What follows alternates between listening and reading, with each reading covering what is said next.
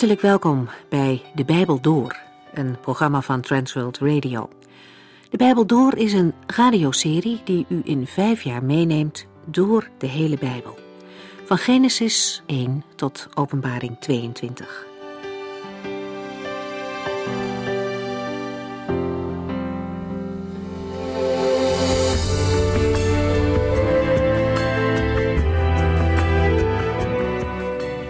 In deze uitzending zijn we toe aan Matthäus hoofdstuk 18.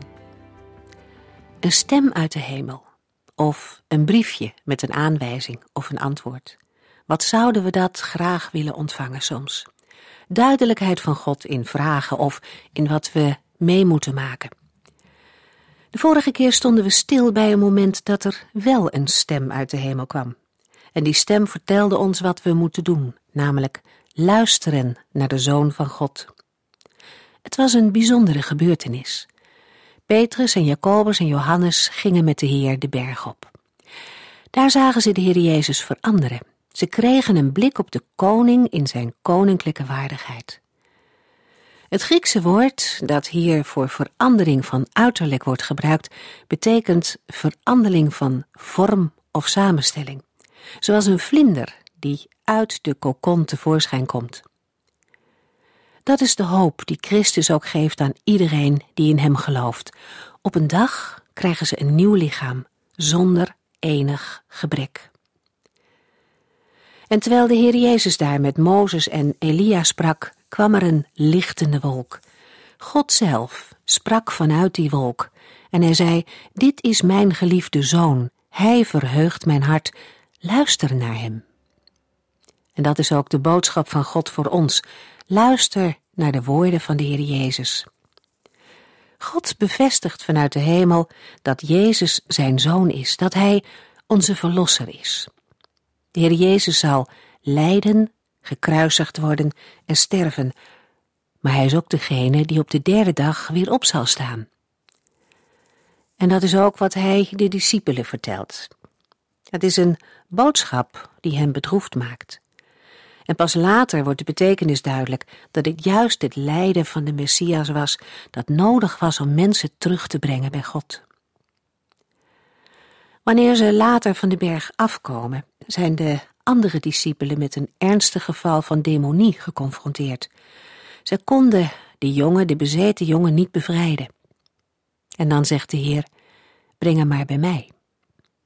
Weet u, laten wij dat ook blijven doen zieke en gebonden mensen in ons gebed bij de Heer brengen.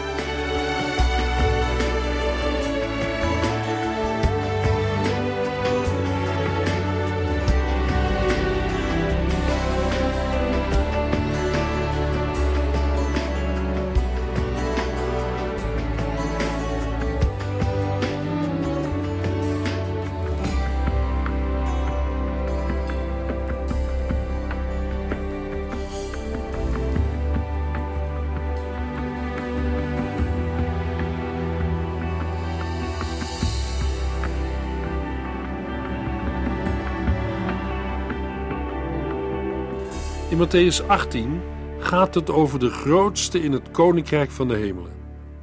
De geschiedenis van de Heer Jezus op weg naar Jeruzalem wordt even stopgezet om nader in te gaan op de verwerping van de koning.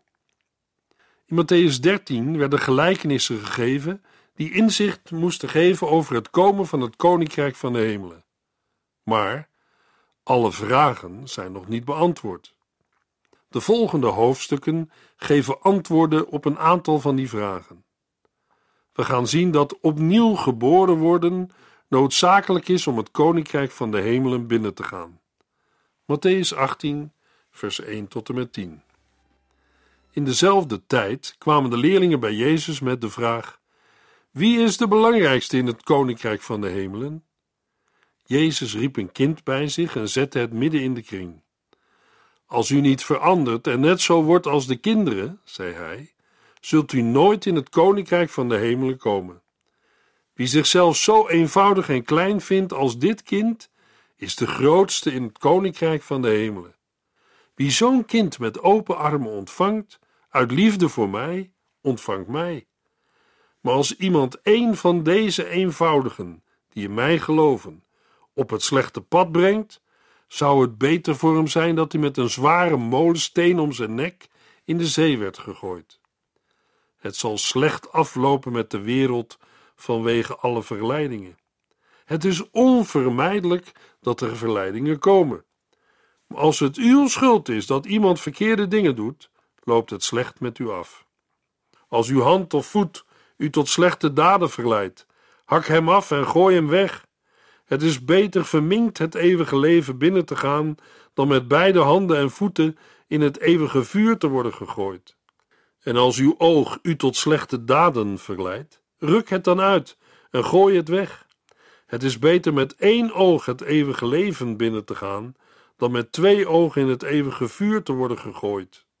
Kijk niet op één van deze eenvoudige neer. Onthoud dit: hun engelen zijn voortdurend bij mijn Vader in de hemel. In dezelfde tijd zie terug op het gesprek over de tempelbelasting en het wonder van de vis. Zaken waar Petrus een belangrijke rol speelde. Daarvoor was hij in Matthäus 16 ook al rots genoemd en werd hij met nog twee leerlingen meegenomen op de berg waar de verheerlijking plaatsvond. Vandaar dat de volgelingen van Jezus bezig waren met de vraag wie welke positie zou bekleden in het koninkrijk van de hemelen. Opmerkelijk is wel dat de leerlingen van Jezus meer bezig waren met het komende messiaanse vrederijk dan met het lijden en sterven van de Messias. De heiland geeft aanschouwelijk onderwijs. Hij ziet in het kind het tegenovergestelde van wat hij bij zijn volgelingen ziet. Zij zijn in beslag genomen door uiterlijke eer en macht en streven naar een hoge positie. Wat vertelt de Heer? Een klein kind komt zonder aarzelen naar hem toe. In Marcus 10, vers 14 lezen we: Laat die kinderen toch bij me komen en houd ze niet tegen, want het koninkrijk van God is juist voor wie is zoals zij. Het probleem was niet om kleine kinderen bij de Heer Jezus te krijgen. Het probleem waren de volwassenen die ze tegenhielden, omdat zij van mening waren dat Jezus toch niets voor kinderen was. Maar daarmee zaten de volgelingen van Jezus er falikant naast. Zij waren aan het discussiëren over de eerste plaats in het koninkrijk, maar hadden vergeten hoe een mens in dat rijk kon komen. Niemand komt er binnen door eigen verdiensten of door verdienstelijke werken, en nog veel minder door eerzucht. Het koninkrijk van de hemel is een geschenk van God, een geschenk dat de mens ontvangt die Abba Vader tegen hem leert zeggen, die zijn of haar vertrouwen volledig op God stelt. De Heer Jezus neemt een klein kind en zet het midden tussen hen in. Dan zegt hij: Als u niet verandert en net zo wordt als de kinderen, zult u nooit in het koninkrijk van de hemelen komen. Dit is wel een uitspraak die verkeerd begrepen kan worden. Het was niet de bedoeling dat de leerlingen van Jezus kinderachtig zouden worden, maar dat zij, net zoals de Heer Jezus zelf, als een kind Abba Vader tegen God leren zeggen. De Heere spreekt over ingaan in het nieuwe leven in plaats van terugkeren naar de kindertijd. Hij leidt de gedachten van de leerlingen om van de belangrijkste plaats in het koninkrijk naar voor een mens de belangrijkste vraag, namelijk hoe kan een mens het koninkrijk van God binnengaan? Het antwoord staat in Johannes 3, vers 3. Daar zegt Jezus: Luister goed, wie niet opnieuw geboren wordt, kan het koninkrijk van God niet ontdekken. En iemand die opnieuw geboren wordt, begint, geestelijk gezien, opnieuw als een klein kind. Een mens die geboren wordt, is niet direct geestelijk volwassen. Er is geestelijke groei nodig. Helaas zijn er nog heel veel christenen die geestelijke baby's zijn gebleven. Hun verhouding met Christus is nog zo pril dat ze alleen maar melk kunnen verdragen. Vast voedsel is te zwaar voor hen. 1 Korinthe 3 vers 2. Ze worden door hun eigen verlangens beheerst. Met welke vragen zijn ze bezig? Nou, vanuit dit Bijbelgedeelte mag dat duidelijk zijn. Wie zou er nu het belangrijkste zijn in het koninkrijk van de hemelen? Maar de Jezus zegt dat wanneer je opnieuw geboren wordt, je pas een geestelijke baby bent. Je bent geestelijk gezien een klein kind. Een klein kind is niet bezig met wie de belangrijkste is. Kan een klein kind een leider in de kerk zijn? Paulus zegt in 1 Timotheus 3, vers 6: Een leider in de gemeente mag niet iemand zijn die nog maar pas christen is, omdat hij dan wel eens verwaand zou kunnen worden en onder hetzelfde oordeel valt als de duivel. Wanneer we teruggaan en de nadruk leggen op het ingaan in het koninkrijk van de hemelen via de wedergeboorte, dan zien we dat de mens die zich nederig en afhankelijk opstelt als een klein kind, dezelfde zal zijn als de voornaamste in het koninkrijk van de hemelen. Als we een van deze kleine kinderen op het slechte pad brengen, betekent het dat we hen daarmee tot zonde verleiden. Daartegen waarschuwt de Heer met zeer sterke woorden. Aan de andere kant hebben kinderen een bijzonder plaatsje bij de Heer Jezus. In de oudheid werd een kind in het algemeen beschouwd als onbelangrijk, als iemand die niet meetelde. Maar Jezus zegt dat wie een kind verzorgt, er aandacht aan schenkt, het opneemt in zijn naam, dit aan hem doet. Het brengen van de goede boodschap aan de kinderen is een belangrijke en goddelijke opdracht. De Heere geeft topprioriteit aan het winnen van de kinderen voor hem. Dat geldt natuurlijk ook voor de kinderen in de kerk, niet alleen voor kinderen buiten de kerk. Maar als iemand een van deze eenvoudigen die in mij geloven op het slechte pad brengt, zou het beter voor hem zijn dat hij met een zware molensteen om zijn nek in de zee werd gegooid. Met eenvoudigen bedoelt de Heer Jezus niet alleen de kinderen, maar ook allen die in Hem geloven. Als uw hand of voet u tot slechte daden verleidt, hak hem af en gooi hem weg. Het is beter verminkt het eeuwige leven binnen te gaan, dan met beide handen en voeten in het eeuwige vuur te worden gegooid. Dit is een van de hevigste uitspraken van de Heer Jezus. Hier gaat het niet om verleidingen van buitenaf, maar van binnenuit. Om het strijden tegen het eigen zondige ik. Hand en voet verwijzen naar de handel en wandel van een mens, naar zijn of haar doen en laten. In het vervolg wordt gesproken over het oog. Het is een beeld van lust en begeerte. Wat wil de heiland met deze forse beelden zeggen? De Heere wil er de aandacht op vestigen dat het beter is zich iets in het natuurlijke leven te ontzeggen, dan dat het eeuwige leven aan een mens voorbij zal gaan en hij of zij in het oordeel komt doordat hij in zonde is gevallen. Kijk niet op een van deze eenvoudige neer. Onthoud dit: hun engelen zijn voortdurend bij mijn Vader in de hemel. Ook hier wordt met eenvoudigen allen bedoeld die in Hem geloven, maar ook de kinderen. Als een van deze kinderen sterft, gaat zijn of haar geest direct naar God. Als u bij het graf van een eigen kind moest staan, dan mag dat een grote troost zijn. Ze gaan naar de hemel, niet omdat ze onschuldig zijn of omdat ze van ons zijn, maar ze gaan naar de hemel omdat de Heer Jezus voor ze stierf. Dat is wat Jezus hier zegt, want ik, de mensenzoon, ben gekomen om hen die verloren gaan te redden. Zelfs als kinderen sterven, zal hun geest direct naar de aanwezigheid van de Vader gaan. Koning David wist dit ook. Toen zijn zoon van Batseba ziek werd, is hij erg op de proef gesteld. De geschiedenis is te lezen in 2 Samuel 12, vers 15 tot en met 23. David vastte en huilde en lag de hele nacht op de grond. Maar toen het kind was gestorven, stond hij weer op. Hij waste zich en verschoonde zijn kleren. Hij ging naar de tempel en aanbad God. Zijn dienaren begrepen er niets van ze waren verbijsterd. Maar David legt het uit. Ik heb gevast en gehuild toen het kind nog leefde, want ik zei tegen mezelf: Misschien zal de Heere toch nog genade tonen en hem laten leven. Maar waarom zou ik vasten nu hij dood is? Kan ik hem daardoor terugbrengen? Ik zal ooit naar hem toe gaan, maar hij zal niet bij mij terugkomen. David vertrouwde erop dat hij op een dag weer bij hem zou zijn. Ik zal ooit naar hem toe gaan, maar hij zal niet bij mij terugkomen. Het verliezen van een kind is verschrikkelijk. Veel mensen hebben kinderen verloren.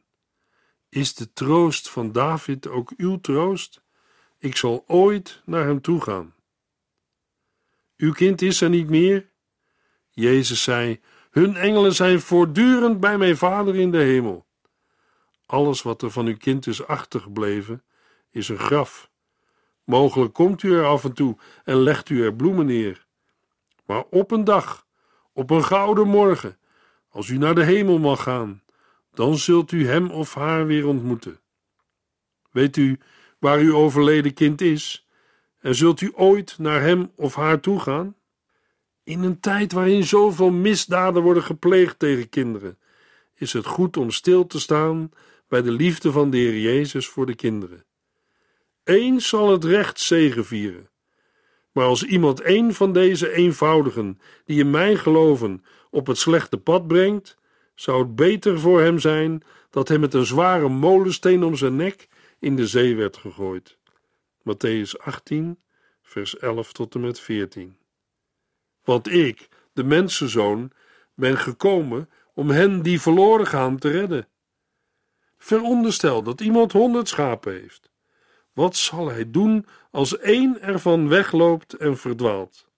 Zal hij dan niet de 99 andere in de bergen achterlaten en op zoek gaan naar het ene dat verdwaald is? Als hij het vindt, verheugt hij zich meer over dat ene dan over de 99 andere die niet verdwaald zijn.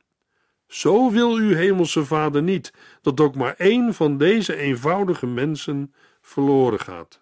Herders werkten vaak samen, zodat alle schapen van het dorp op dezelfde plaats graasden. Daarom kon één van hen de schapen zonder problemen achterlaten. Bij de uitdrukking in de bergen moeten we denken aan wijde plaatsen in het eenzame bergland. Verdwalen wordt door Matthäus gebruikt voor afvallen en verleiden. Het benadrukt de dwaze daad van het schaap als hij het vindt. Dat geeft aan dat het niet vanzelfsprekend is dat de herder het schaap zou vinden. Het hangt niet alleen van de herder af of een verdwaalde zondaar wordt gevonden. Een mens heeft een eigen verantwoordelijkheid. De genade van God kan worden afgewezen en niet worden aangenomen. Maar de herder verblijdt zich over ieder schaap dat verdwaald was en weer is gevonden. Zo spreekt deze prachtige gelijkenis van het verloren schaap over het welgevallen dat de Heere God heeft in het behoud van het allergeringste, de eenvoudigen, de kleinen uit vers 5, van verloren zondaars. Matthäus 18, vers 15 tot en met 20. Als een van uw broeders u kwaad doet, moet u het hem onder vier ogen zeggen. Als hij uw terechtwijzing aanneemt, is de relatie tussen u en hem hersteld. Doet hij dat niet, haal er dan één of twee anderen bij die getuigen kunnen zijn. Wil hij nog niet luisteren, leg de zaak dan aan de gemeente voor. Als de gemeente hem in het ongelijk stelt en hij wil nog niet luisteren, moet u niet meer met hem omgaan. Want dit zeg ik u: alles wat u op aarde bindend verklaart, zal ook in de hemel bindend zijn. En alles wat u op aarde ontbindt, zal ook in de hemel ontbonden worden. Dit moet u vooral weten. Als twee van u het hier op aarde eens zijn over iets wat u mijn hemelse Vader vraagt, zal hij het voor u doen. Want als twee of drie mensen bij elkaar zijn, omdat ze bij mij horen, ben ik bij hen. Wanneer een broeder of zuster tegen je zondigt, moet je naar hem of haar toe gaan. Hier wordt gesproken over een zonde die gedaan wordt door een gelovige. Dan is het verplicht dat de betrokkenen naar de broeder of zuster toegaat en niet andersom. Helaas zijn er mensen die zulke gebeurtenissen liever in de doofpot stoppen. Maar dat is niet de weg die de Heer Jezus hier wijst. Als er een probleem is tussen twee gelovigen, dan moet het op een goede manier worden opgelost. Tussen twee haakjes. Dit lijkt me ook het beste voor niet-gelovigen. Maar het begin van vers 15 geeft aan: als een van uw broeders u kwaad doet. Het gaat dan over een probleem tussen twee gelovige mensen. Als ze samen niet tot een oplossing kunnen komen, moet het in de ecclesia, in de gemeente worden behandeld. In een gemeente moeten er regels zijn voor geloof en levenswandel, gefundeerd op het woord van God. Gebrek aan geestelijke discipline breekt het gezag van en de eerbied voor de gemeente af. Het mag duidelijk zijn dat de plaatselijke gemeente de laatste en beslissende instantie is. Of iemand vergeving kan ontvangen, is afhankelijk van het feit of hij berouw heeft en zich bekeert. Als de zondaar zijn zonde beleidt, kan de gemeente hem vergeven en wordt hij, zowel op aarde als in de hemel, vrijgesproken. De gemeentetucht moet worden omringd met innig gebed. De machtsmiddelen van de gemeente zijn niet uiterlijk, maar het is het gebed dat een onbegrensde macht heeft. Het gaat erom dat de broeder of zuster die gezondigd heeft, wordt gewonnen voor het koninkrijk van de hemelen. Dat hij of zij tot berouw en bekering komt. Dit moet u vooral weten. Als twee van u het hier op aarde eens zijn over iets wat u mijn hemelse Vader vraagt, zal hij het voor u doen. Want als twee of drie mensen bij elkaar zijn, omdat ze bij mij horen, ben ik bij hen. Betekent dit dat, als we het onderling eens zijn, hij het wil verhoren? Ja, maar let op de voorwaarden. Als twee van u het hier op aarde eens zijn over iets wat u, mijn hemelse Vader, vraagt, dan gaat het over eensgezindheid. En dan is de belofte zeer groot. Dan zal Hij het voor u doen. Dat de Heer Jezus aanwezig kan zijn, overal waar mensen in Zijn naam bijeen zijn, spreekt van Zijn goddelijkheid. Niemand anders dan de Heer God is overal aanwezig. Wij mogen vragen in Zijn naam. Dat is vragen naar Zijn wil. Weten of dat wat we vragen naar de wil van de Heer Jezus is, kan voor een mens een hele worsteling zijn. Toch mag je aan Vader alles vragen in Zijn naam. U wil geschieden, gelijk in de hemel, alzo ook op de aarde. Matthäus 6. Want als twee of drie mensen bij elkaar zijn, omdat ze bij mij horen, ben ik bij hen. Dat is kenmerkend voor een kerk. Mensen die bij elkaar zijn omdat ze bij Jezus horen. Zij bleven trouw aan wat de apostelen hun leerden en gingen als één grote familie met elkaar om. Ze kwamen vaak samen voor de maaltijd van de Here en voor gebed. Handelingen 2 vers 42. In het vervolg gaat de heiland in op een vraag van Petrus. Matthäus 18 vers 21 en 22. Petrus vroeg: Here, als een van mijn broeders mij telkens kwaad doet, hoe vaak moet ik hem dan vergeven? Zeven keer? Nee, antwoordde Jezus, zeventig keer zeven keer. Petrus dacht dat hij grootmoedig was toen hij zei: Hoe vaak moet ik hem dan vergeven? Zeven keer? Drie tot vier keer was volgens de Joodse Bijbelgeleerde genoeg. Dat baseerde ze op de uitleg van Job 33, vers 29 en Amos 2, vers 1. Petrus wil wel zeven keer vergeven, maar de edelmoedigheid van Petrus stelt in vergelijking met dat wat Jezus noemt niets voor. Nee, antwoordde Jezus, 70 keer zeven keer, 490 keer. Het betekent een onbeperkt aantal keren. Het onbeperkt vergeven staat in tegenstelling tot de onbeperkte wraak in Genesis 4, vers 24. Want Kain wordt zevenvoudig gewroken maar Lamech 77 keer. Jezus licht dit verder toe met een vergelijking. Matthäus 18, vers 23 tot en met 35. U kunt het koninkrijk van de hemelen vergelijken met een koning die besloot geld op te eisen dat hij te goed had van zijn dienaren. Niet lang nadat hij daarmee was begonnen, werd iemand bij hem gebracht die hem vele miljoenen schuldig was maar de man kon niet betalen. De koning nam het besluit hem als slaaf te verkopen om zo aan geld te komen. Ook zijn vrouw en kinderen en al zijn bezittingen moesten worden verkocht. De man liet zich voor de koning neervallen met zijn gezicht in het stof. Hij smeekte: Geef me alsjeblieft uitstel, dan zal ik u alles terugbetalen. De koning kreeg medelijden met hem, liet hem vrij en zei dat hij niets meer hoefde te betalen. Nauwelijks was de man weer buiten, of hij ontmoette iemand van wie hij nog wat geld te goed had. Hij greep hem bij de keel en eiste zijn geld onmiddellijk terug. De ander viel voor hem neer en smeekte: Geef mij uitstel, dan zal ik alles terugbetalen. Maar de man wilde niet wachten en liet hem gevangen zetten tot hij zijn schuld volledig zou hebben betaald.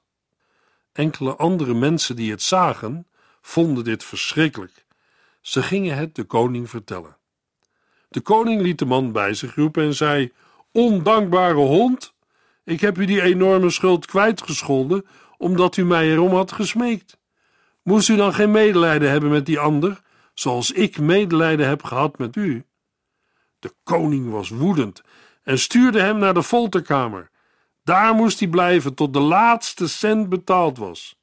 Zo zal mijn hemelse vader ook met u doen, als u, uw broeders, niet van harte vergeeft wat zij u hebben aangedaan. Omdat God ons heeft vergeven, moeten wij ook elkaar vergeven.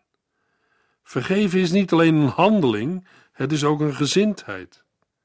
De Heere God is onnoemelijk barmhartig, maar Hij schenkt geen genade aan mensen die onbarmhartig zijn.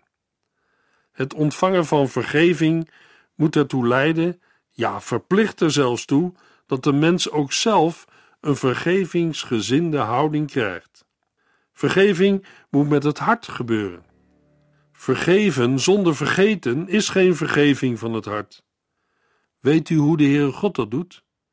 Hij zal onze zonden vertrappen onder zijn voeten. Ja, u zult ze allemaal in de allerdiepste zee gooien.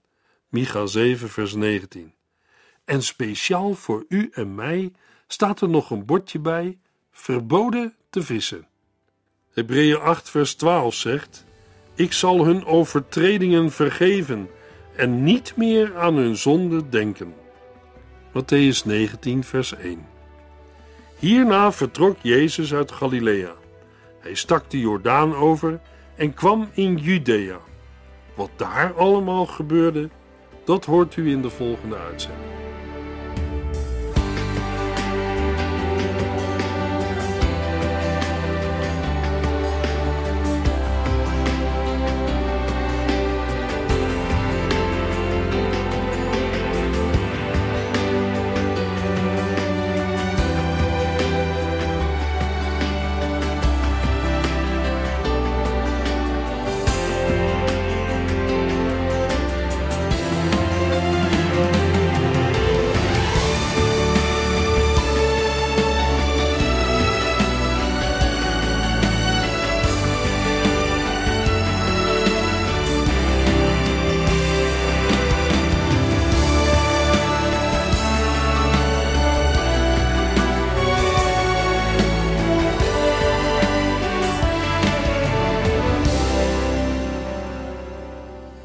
Geluisterd naar De Bijbel Door.